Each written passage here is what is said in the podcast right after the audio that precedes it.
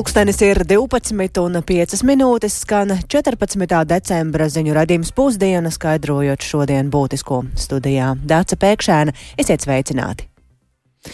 Sodi par noziegumiem pret valsti būs bargāki. To paredz saimas galīgajā lasīmā atbalstītās izmaiņas krimināla likumā. Tās rosināja valsts prezidents Edgars Rinkēvičs, un tās attiecas arī uz neizpaužamas informācijas nodošanu ārvalstīm par Latviju un palīdzību citai valstī pret Latviju vērstā darbībā. Saimas darbam šodien seko līdzi Jānis Kīncis, un sveiks Jāni par kādiem noziegumiem sodus mainīs. Sveicināti! Jā, pastiprināt soda mērus par noziegumiem pret valsts drošību savā pirmajā likumdošanas iniciatīvā rosināja valsts prezidents Edgars Rinkēvičs un attiecīgos grozījumus krimināla likumā saimē viņš iesniedza septembrī ar piebildi, ka krimināla likums nedrīkst būt nesamērīgi vājš salīdzinājumā ar potenciālo kaitējumu valstī. Un tādējādi likumā, piemēram, par spiegošanu kādas citas valsts interesēs izsvītros vieglākos soda mērus kā sabiedrisko darbu, īslaicīgu brīvības atņemšanu atņemšanu un citus. Tātad īsumā par dažām no mainītajām normām. Par apvienošanos organizētā grupā ar mērķi pret Latviju vērstā darbībā paredzēts sodīt ar brīvības atņemšanu līdz astoņiem gadiem, šobrīd noteikto piecu gadu vietā, un vainīgajiem varēs piemērot arī mantas konfiskāciju. Cietumsots par palīdzību ārzemniekam, kādai ārvalstu organizācijai vai ārvalstī pret Latviju vērstā darbībā būs no gada līdz desmit gadiem cietumā, iepriekš vai līdz šim līdz pieciem gadiem cietumā. Savukārt gadījumā, ja palīdzību ār, ārvalstī būs sniegusi persona grupa, valsts amatpersonu, uzņēmumu vai organizācijas atbildīgie darbinieki vainīgo varēs sodīt ar brīvības atņemšanu uz laiku no 3 līdz 20 gadiem ar mantas konfiskāciju. Un jā, par spiegošanu, tās organizēšanu vai vadīšanu likums paredzēs pat uh, mūža ieslodzījumu. Tāds ir. Jā, Jāni, vai šajos krimināla likuma grozījumos ir bijuši kādi papildinājumi saistībā ar noziegumiem pret valsti? Jā, kopš rudens, kopš septembra valsts prezidenta iesniegtos grozījumus ir papildinājusi gan Saimnes juridiskā komisija, gan arī Tieslietu ministrija. Piemēram, pēc juridiskās komisijas vadītāja jaunās vienotības deputāta Andreja Judina ierosinājuma krimināla likuma grozījumi arī paredzēs līdz četriem gadiem cietumā par apzināti nepatiesu paziņojumu par sprākstošas, indīgas, radioaktīvas vai bakterioloģiskas vielas vai spridzekļa novietošanu kādā publiskā iestādē. Savukārt Tieslietu ministrija ir rosinājusi noteikt mantas konfiskāciju, īpaši par palīdzību ārvalstī pret Latviju vērstā darbībā, par spiegošanu, tas ir neizpaužama ziņu vākšana, nolūkā tās nodot organizācijām ārvalstīs cietumsots līdz 20 gadiem ir palielināts tieši pēc Tieslietu ministrijas rosinājuma. Un lūk, kā šīs likuma izmaiņas kopumā raksturo Tieslietu ministrija Ines Lībeņa Egnera no jaunās vienotības. Pēc būtības tā ir tāda lielāka reforma, jo krimināla likums, protams, ir salīdzinoši jauns likums. Tad mēs varētu teikt, ka šie grozījumi tiešām ir tāda no drošības viedokļa krimināla likuma reforma. Tik tiešām, lai gan preventīvi atturētu no šāda noziedzīga nodarījuma izdarīšanas, vai arī, ja šāda noziedzīga nodarījuma izdarīšana ir konstatēta, tad tiešām šī persona tiktu izolēta no sabiedrības, saņemtu pietiekami bargu sodu, lai drošība vairs netiktu apdraudēta. Tas ir tas galvenais, ko mēs esam krimināla likumā šādi nostiprinājuši. Un vēl piebildīšu, ka saimā vienbalsīgi atbalstītie krimināla likuma grozījumi stāsies spēkā jau nākamajā dienā pēc to izsludināšanas, tātad tas notiks vēl šogad. Paldies Jānim Kīncim, bet, eh, lai varētu piedalīties jautājumu lemšanā pašvaldībās un vairāk ietekmēt domas darbu, iedzīvotāji no nākamā gada 1. septembra varēs rosināt pašvaldību referendumus un balsot tajos līdz elektroniskā vēlētāja reģistra ieviešanai varēs izmantojot reģistrācijas aploksnes. To noteica saimā galīgajā lasīmā pieņemtie grozījumi vietējo pašvaldību referendumu likumā. Iepriekš šāda kārtība bija paredzēta jau no 1. janvāra, un dažādu nepilnību dēļ to par viltus demokrātijas rīku nodēvēja saimas opozīcijas deputāts Māris Sprindžuks no apvienotā saraksta. Vietējo pašvaldību likums viennozīmīgi ir brāķis. Rūpīgi viņu lasot, ir pilnīgi skaidrs, ka viņš ir gatavots tam, lai šie referendumi pēc būtības nevarētu notikt. Pirmkārt, slieksnis iedzīvotāju pārstāvniecībai, lai varētu ierosināt referendumu, ir daudz par augstu. Un otra lieta - mērķi, kādiem cilvēki var ierosināt referendumu, ir pārāk, es teiktu, šauri, nenopietni. Un šie mērķi ir tātad pašvaldības ilgspējīgas stratēģijas grozīšana, domas lēmums par jaunbūves apturēšanu, kurai uzsākts vai kurai jāveic ietekmes uz vidi novērtējums. Trešais mērķis, domas atlaišana, jā, tas ir leģitīvs, pamatīgs un vajadzīgs mērķis, bet tas brīdis ir nokavēts šajā sasaukumā, vai domas atlaist nevaru, jo tā tad jau tuvojās nākamās pašvaldību vēlēšanas. Tātad es īsti neredzu vajadzību deputātiem lemt šobrīd steidzami palaist šo likumu. Šī likuma ieviešanai netika piešķirta nauda vēlēšanu komisijai, lai izstrādātu vēlēšanu rīku. Tāpēc šīs koalīcijas vēlme iztriekt šādus referendumus uz 1. septembri nākamajā gadā, manuprāt, ir tāda viltus demokrātija, ja viltus labvēlības demonstrēšana. Jāpiebilst, ka kavēšanās ieviest pašvaldību referendumus saistīta ar nepieciešamā tehniskā risinājuma finansēšanu un izveidi, un vēlētāju reģist tiešais tas reģistru referendumu ērtākai norisē ir plānots ieviest no 2025. gada 1. augusta. Par citiem notikumiem ASV kongresa pārstāvi palāta, ko kontrolē Republikāņu partija, ir atbalstījusi impeachmenta izmeklēšanu pret valsts prezidentu Džo Baidenu saistībā ar viņa dēla Huntera biznesa darījumiem ārvalstīs. Tā ievadīs vairākus mēnešus ilgu procesu, kas teorētiski var noslēgties ar Baidena atbrīvošanu no amata. Baidens uzskata, ka notiekošais ir republikāņu politiska vēršanās pret viņu pirms nākamgad gaidāmajām ASV prezidenta vēlēšanām, kurās Baidena Sansensis visticamāk būs Donalds Trumps. Un vairāk par šo tematu gatavs pastāstīt kolēģis Uldis Česberis. Sveiks, Uldi, par ko ir sākta impeachment izmeklēšana pret uh, Joe Baidenu? Uh, labdien!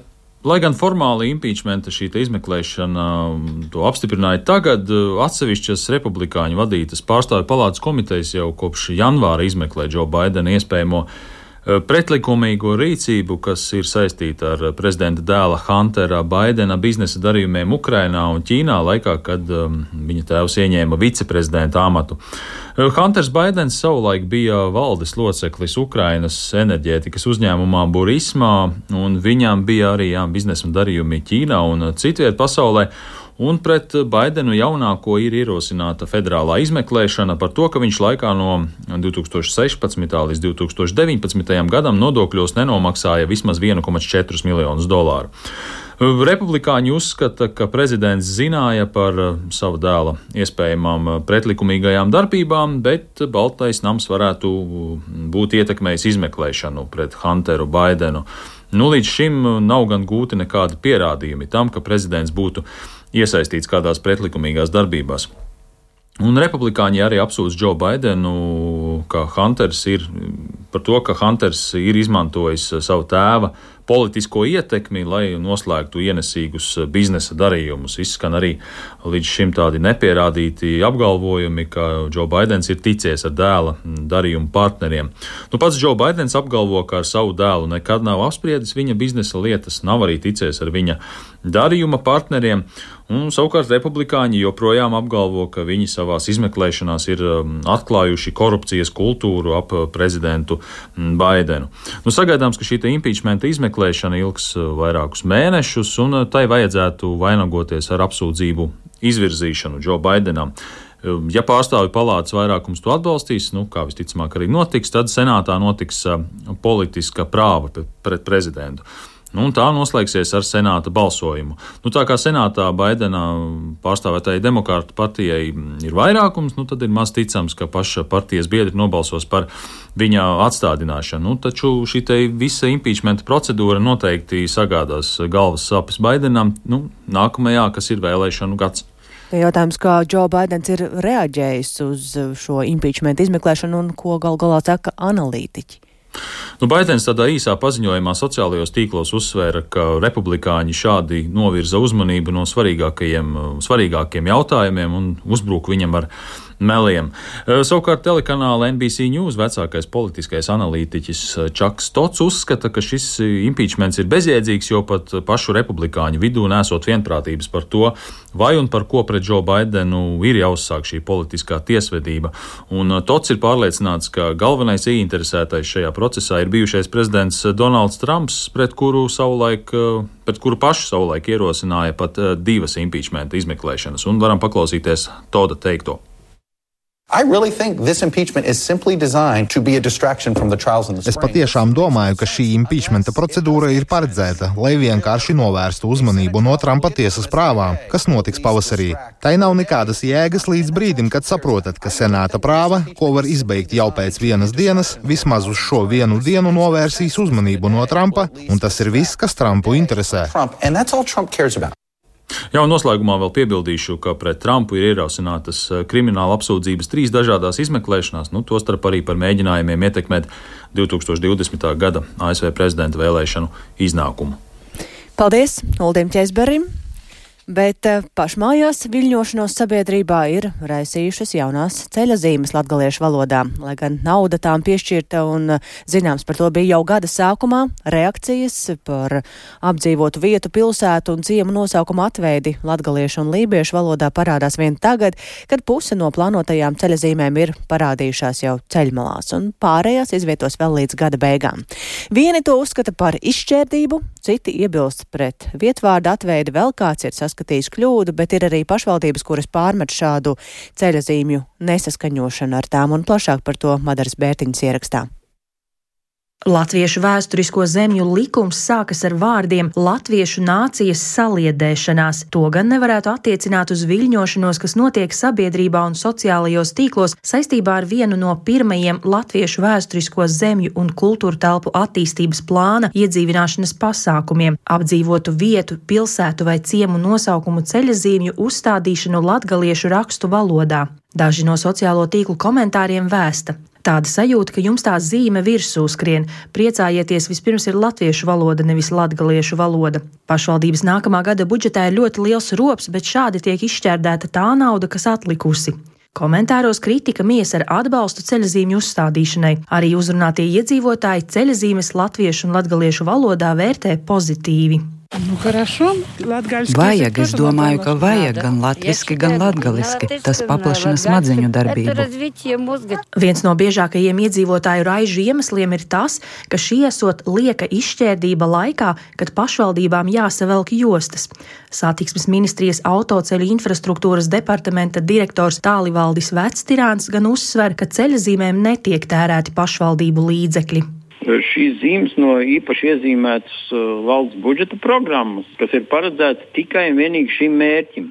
Ceļazīmes latgaliski būs redzamas uz reģionālajiem un vietējiem ceļiem, pilsētas, ciema vai apdzīvotas vietas nosaukumos. Zīmju uzstādīšanu nosaka gan ceļu satiksmes likums, gan Latvijas kultūra vēsturisko zemju likums, tāpēc nepieciešamību saskaņot ar pašvaldībām tālivaldis Vectirāns nesaskata.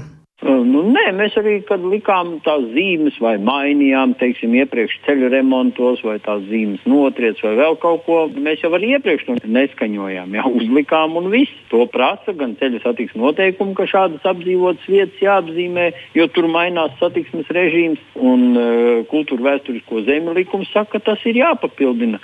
Šādas vietas ir jāapzīmē. Lēmumu par latgalisko ceļzīmju rakstību pieņēma valsts valodas centra latgaliešu rakstu valodas apakškomisija, kurā darbojās valodnieki, filologi un latgaliešu valodas pedagogi. Valsts valodas centra lingviste Māra Mortuzāne Murauska uzsver, komisija balstījās uz pareizrakstības noteikumiem un vietējo iedzīvotāju runu. Latviešu valodā ir uh, daudz izlokšņu. Pat uh, viena neliela apvidus ietvaros uh, cilvēki mēdz runāt diezgan dažādi, varbūt ar kādām lielākām vai mazākām niansēm. Tomēr latviešu rakstu valoda ja neatspoguļo visas izloksnes, un uh, tā tomēr ir balstīta uz varbūt kādām dažām izloksnēm pārsvarā, ņemot vērā arī pārējo izloksņu īpatnības, bet tā nevar vienā rakstu valodā ņemt vērā pilnīgi visu. Tāpēc varbūt ļaudīs ir šis sašutums, ka es tā nerunāju, es tā nesaku, bet tas nav iespējams. Katra ciemata kaut kādu īpatnību varētu atspoguļot tajā rakstu valodā. Neiztikt arī bez kļūdām. Otrie mežvidi Lūdzes novadā ceļazīmē nosaukti kā ūtrtie mežavidi. Vietējie iedzīvotāji to jau noziņojuši Latvijas valsts ceļiem, kas atbildēja, ka līdz jaunajam gadam ceļazīmju uzstādītājs Sijā viadukts savu kļūdu izlabos un ceļazīmi nomainīs par saviem līdzekļiem. Līdz gada beigām uz Latgales ceļiem parādīsies vairāk nekā 200 ceļazīmes latgaliski. Tikmēr Ziemeļkurzemē plānots uzstādīt 22 ceļazīmes lībiešu valodā, kā pastāstīja stāstīja Latvijas Universitātes Lībiešu institūta vadītājs Valts Ernšstreits, iedzīvotāju noskaņojums ir pozitīvs. Visi ziemeļu kursām tomēr to ļoti pamatīgi gaida. Arī savā ziņā atnes arī tādu lielu pienesumu turismā, arī reģiona attīstībā, jo nu, tieši tas, ka ir tiek izcelta Ziemeļkurzemes lībiešu krasta saudabība, nu, tas liek arī tiem, kas varbūt pirmo reizi ierauga šādas dzīves, pirmo reizi ierauga lībiešu valodu, vairāk interesēties gan par lībiešiem, gan pamanīt to Ziemeļkurzemes īpašumu. Šis ir vēsturisks brīdis, kad valstiskā līmenī tiek iedzīvināts Latvijas pirmie dzīvotāju kultūra vēsturiskais mantojums. Īpaši tāpēc, ka vēl nesenā pagātnē pašvaldības, kas vēlējās ielu vai ciemu nosaukumus rakstīt latgaliski, saskārās ar dažādiem likumdošanas ierobežojumiem. Kā sola satiksmes ministrija, ceļazīmes latgaliešu un lībiešu valodā turpinās likt arī nākamos divus gadus. Madara Bērtiņa, Latvijas radio studija Latgalē. Tikmēr sniega radīto zaudējumu dēļ šoziem apdrošinātāji ir saņēmuši pat par piekdaļu vairāk pieteikumu nekā pērn ziemas sākumā. Tā Latvijas radio sacīja apdrošinātāju asociācijā norādot, ka šoziem, salīdzinot ar laiku bez sniega, pieteikumu skaits tieši par traumām ir pieaudzis līdz pat ceturtai daļai. Un vairāk par to visu gatavs pastāstīt kolēģis Viktors Demidovs. Sveiks, Viktor! Kādi tad ir šie sniega radītie zaudējumi? Kā cilvēki vērtē, piemēram, ar sniegu un lāstakām pilnos jumtus? Nu, kas rada šobrīd bažas nevienam vienam. Jā, labdien! Nu, darba, mm, darba apdrošinātājiem šodien tik tiešām ir daudz, un ne tikai šodien, bet arī visā ziemā. Latvijas apdrošinātāju asociācijā kā viena no izplatītākajiem pieteikumiem izceļ nelielus ceļu satiksmes negadījumus, nu, piemēram, spēkratiem noskrāpēja sānu vai sasit spoguli, bet pozitīvā ziņa maz atlīdzības pieteikumi ir par iebrukušiem ēku jumtiem, un asociācijā pieļauj, ka tas ir tādēļ, ka sniegs vēl nav tik smags. Turpretim traumu skaits šogad ir liels, un nelaimes gadījumu apdrošināšana, salīdzinot ar nesniegotām, um, nesniegotām dienām, nu, ir pat pieaudzis līdz pat 50%, un tā saka asociācijas prezidents Jānis Abāšins laustas rokas, kājas, kritieni, galvas traumas, smadzeņu satricinājumi un šādas lietas. Sniegotajās dienās vēl viena lieta, ko jāņem vērā, ir jumti un tos jumtus laicīgi jānotīra, jo citādi veidojās pēc tam lāstekas, un tās lāstekas arī apdraud cilvēkus. Tā tendence būtībā ir tāda, ka šajās sniegotajās dienās to pieteikumu skaits ir vidēji 10 līdz 25% pieteikumu pieaugums salīdzinot ar nesniegoto un pagājušo gadu laiku arī. Dzirdējām asociācijas prezidentu Jānijā Bāšinu arī par to, ka risku rada krītošās lāstekas un sniegs nu, no jumtiem, un tad es arī eh, devos ielās um, Rīgā, lai aptaujātu cilvēkus, kā viņi to vērtē. Tagad pie ielām es vienmēr uh, no attāluma novērtēju māju jumtus un skatos, vai tur ir bīstamas lāstekas un vienmēr kā, cenšos izvairīties no šādām vietām. Protams, iet pa vecrīgi ir mazliet grūtāk šobrīd, jo ir gan sniegs, ja lūdzu dievu, lai man nekas neuzkrīt uz galvas. Pirms divām dienām bija ļoti daudz sniega priekš manis, un tas ir bīstami. Uzkrita? Jā. Uz galvas jums? Nē, nē, nē. acu priekšā. Tāpēc tas ir bīstami. Viss kārtībā. Neskatāties uz augšu. Šādi un tad paskatās un turpina savu gaitu. Man ir svarīgāks līdz par ko domāt. Tad neskatāties jau uz jumtiem. Nē. Es uzticos arī tur, kur ir šīs novilktas tās brīdinošās lentes. Jā. Kā jūtaties, ejot garām? Nu, diezgan tā nevisai labi. Nu, tomēr bailes par savu dzīvību.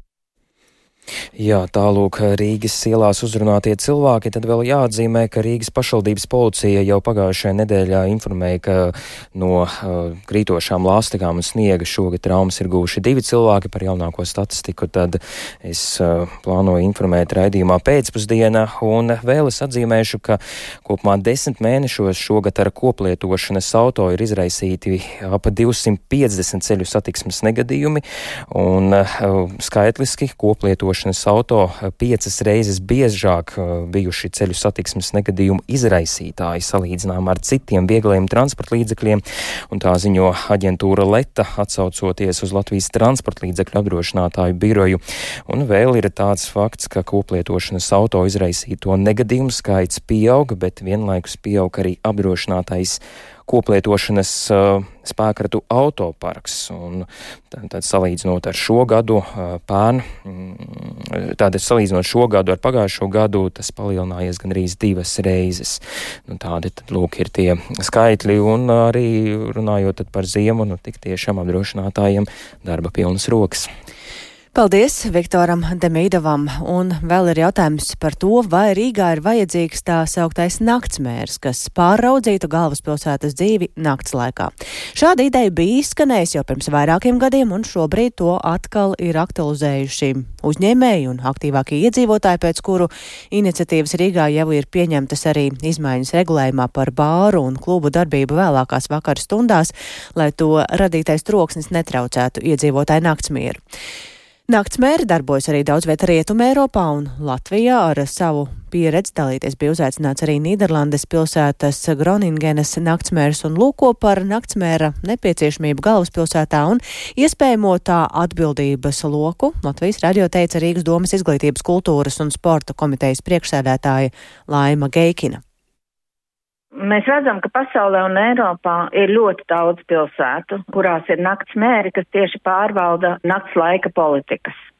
Un, eh, manuprāt, Rīgai tāds ir nepieciešams, bet uh, tas, kas būtu arī papildus vēl vajadzīgs, tātad diskusija par to, vai tas ir viens cilvēks, vai ir arī pilsētas, kur šī pārvaldība notiek nu, tādā cilvēku komandā, kur tiek pārstāvēts gan iedzīvotāji, gan pašvaldības, gan industriju un um, nacionālās intereses. Un tātad gan naktsmērs, gan šī institūcija, ja tā būs ar vairākiem cilvēkiem, ir tā, kas ir tas starpnieks starp to notikumu, kas varbūt uztrauc vienu vai otru vai trešo pusi un risinājumu.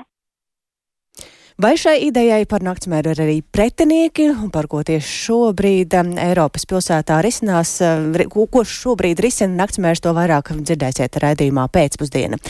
Bet svarīgi vēl uh, īpaši jau Ukrainai šajās dienās lēmumi tiks pieņemti Briselē, kur Eiropas Savienības dalībvalstu līderi pulcējas uz šī gada pēdējo sanāksmu, lai spriestu par bloku paplašināšanos, finansiālo palīdzību Ukrainai un Eiropas Savienības budžetu. Un kā intervijā Latvijas radio sacīja Nobel miera prēmiju saņēmušā Ukraina, Ukrainas Pilsonisko brīvību centra vadītāja Aleksandra Matvīčuka, tad iestāšanās sarunu sākšana ar Ukrainu šai valstī ir ļoti svarīgs lēmums. It means a lot. I will remind you that 10 years ago. Tas nozīmē daudz.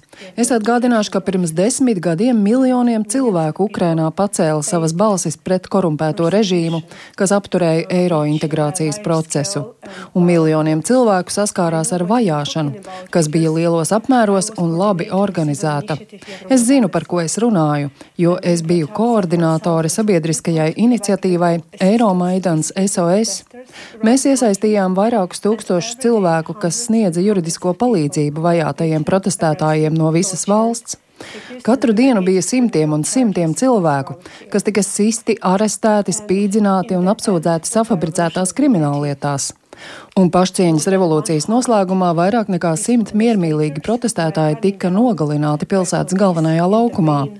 Tātad mēs maksājam augstu cenu tikai par iespēju turpināt mūsu eiro integrācijas ceļu un celt tādu valsti, kur katra cilvēka tiesības ir aizsargātas, kur valdība ir atbildīga, tiesu sistēma ir neatkarīga un policija nesit studentus, kuri sanākuši uz miermīlīgu demonstrāciju.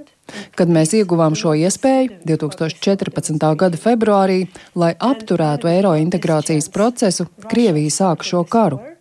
Krievija okupēja Krimu, daļu no Luhanskas un Donetskas apgabaliem, un pagājušajā gadā paplašināja šo karu līdz pilna apmēra iebrukumam.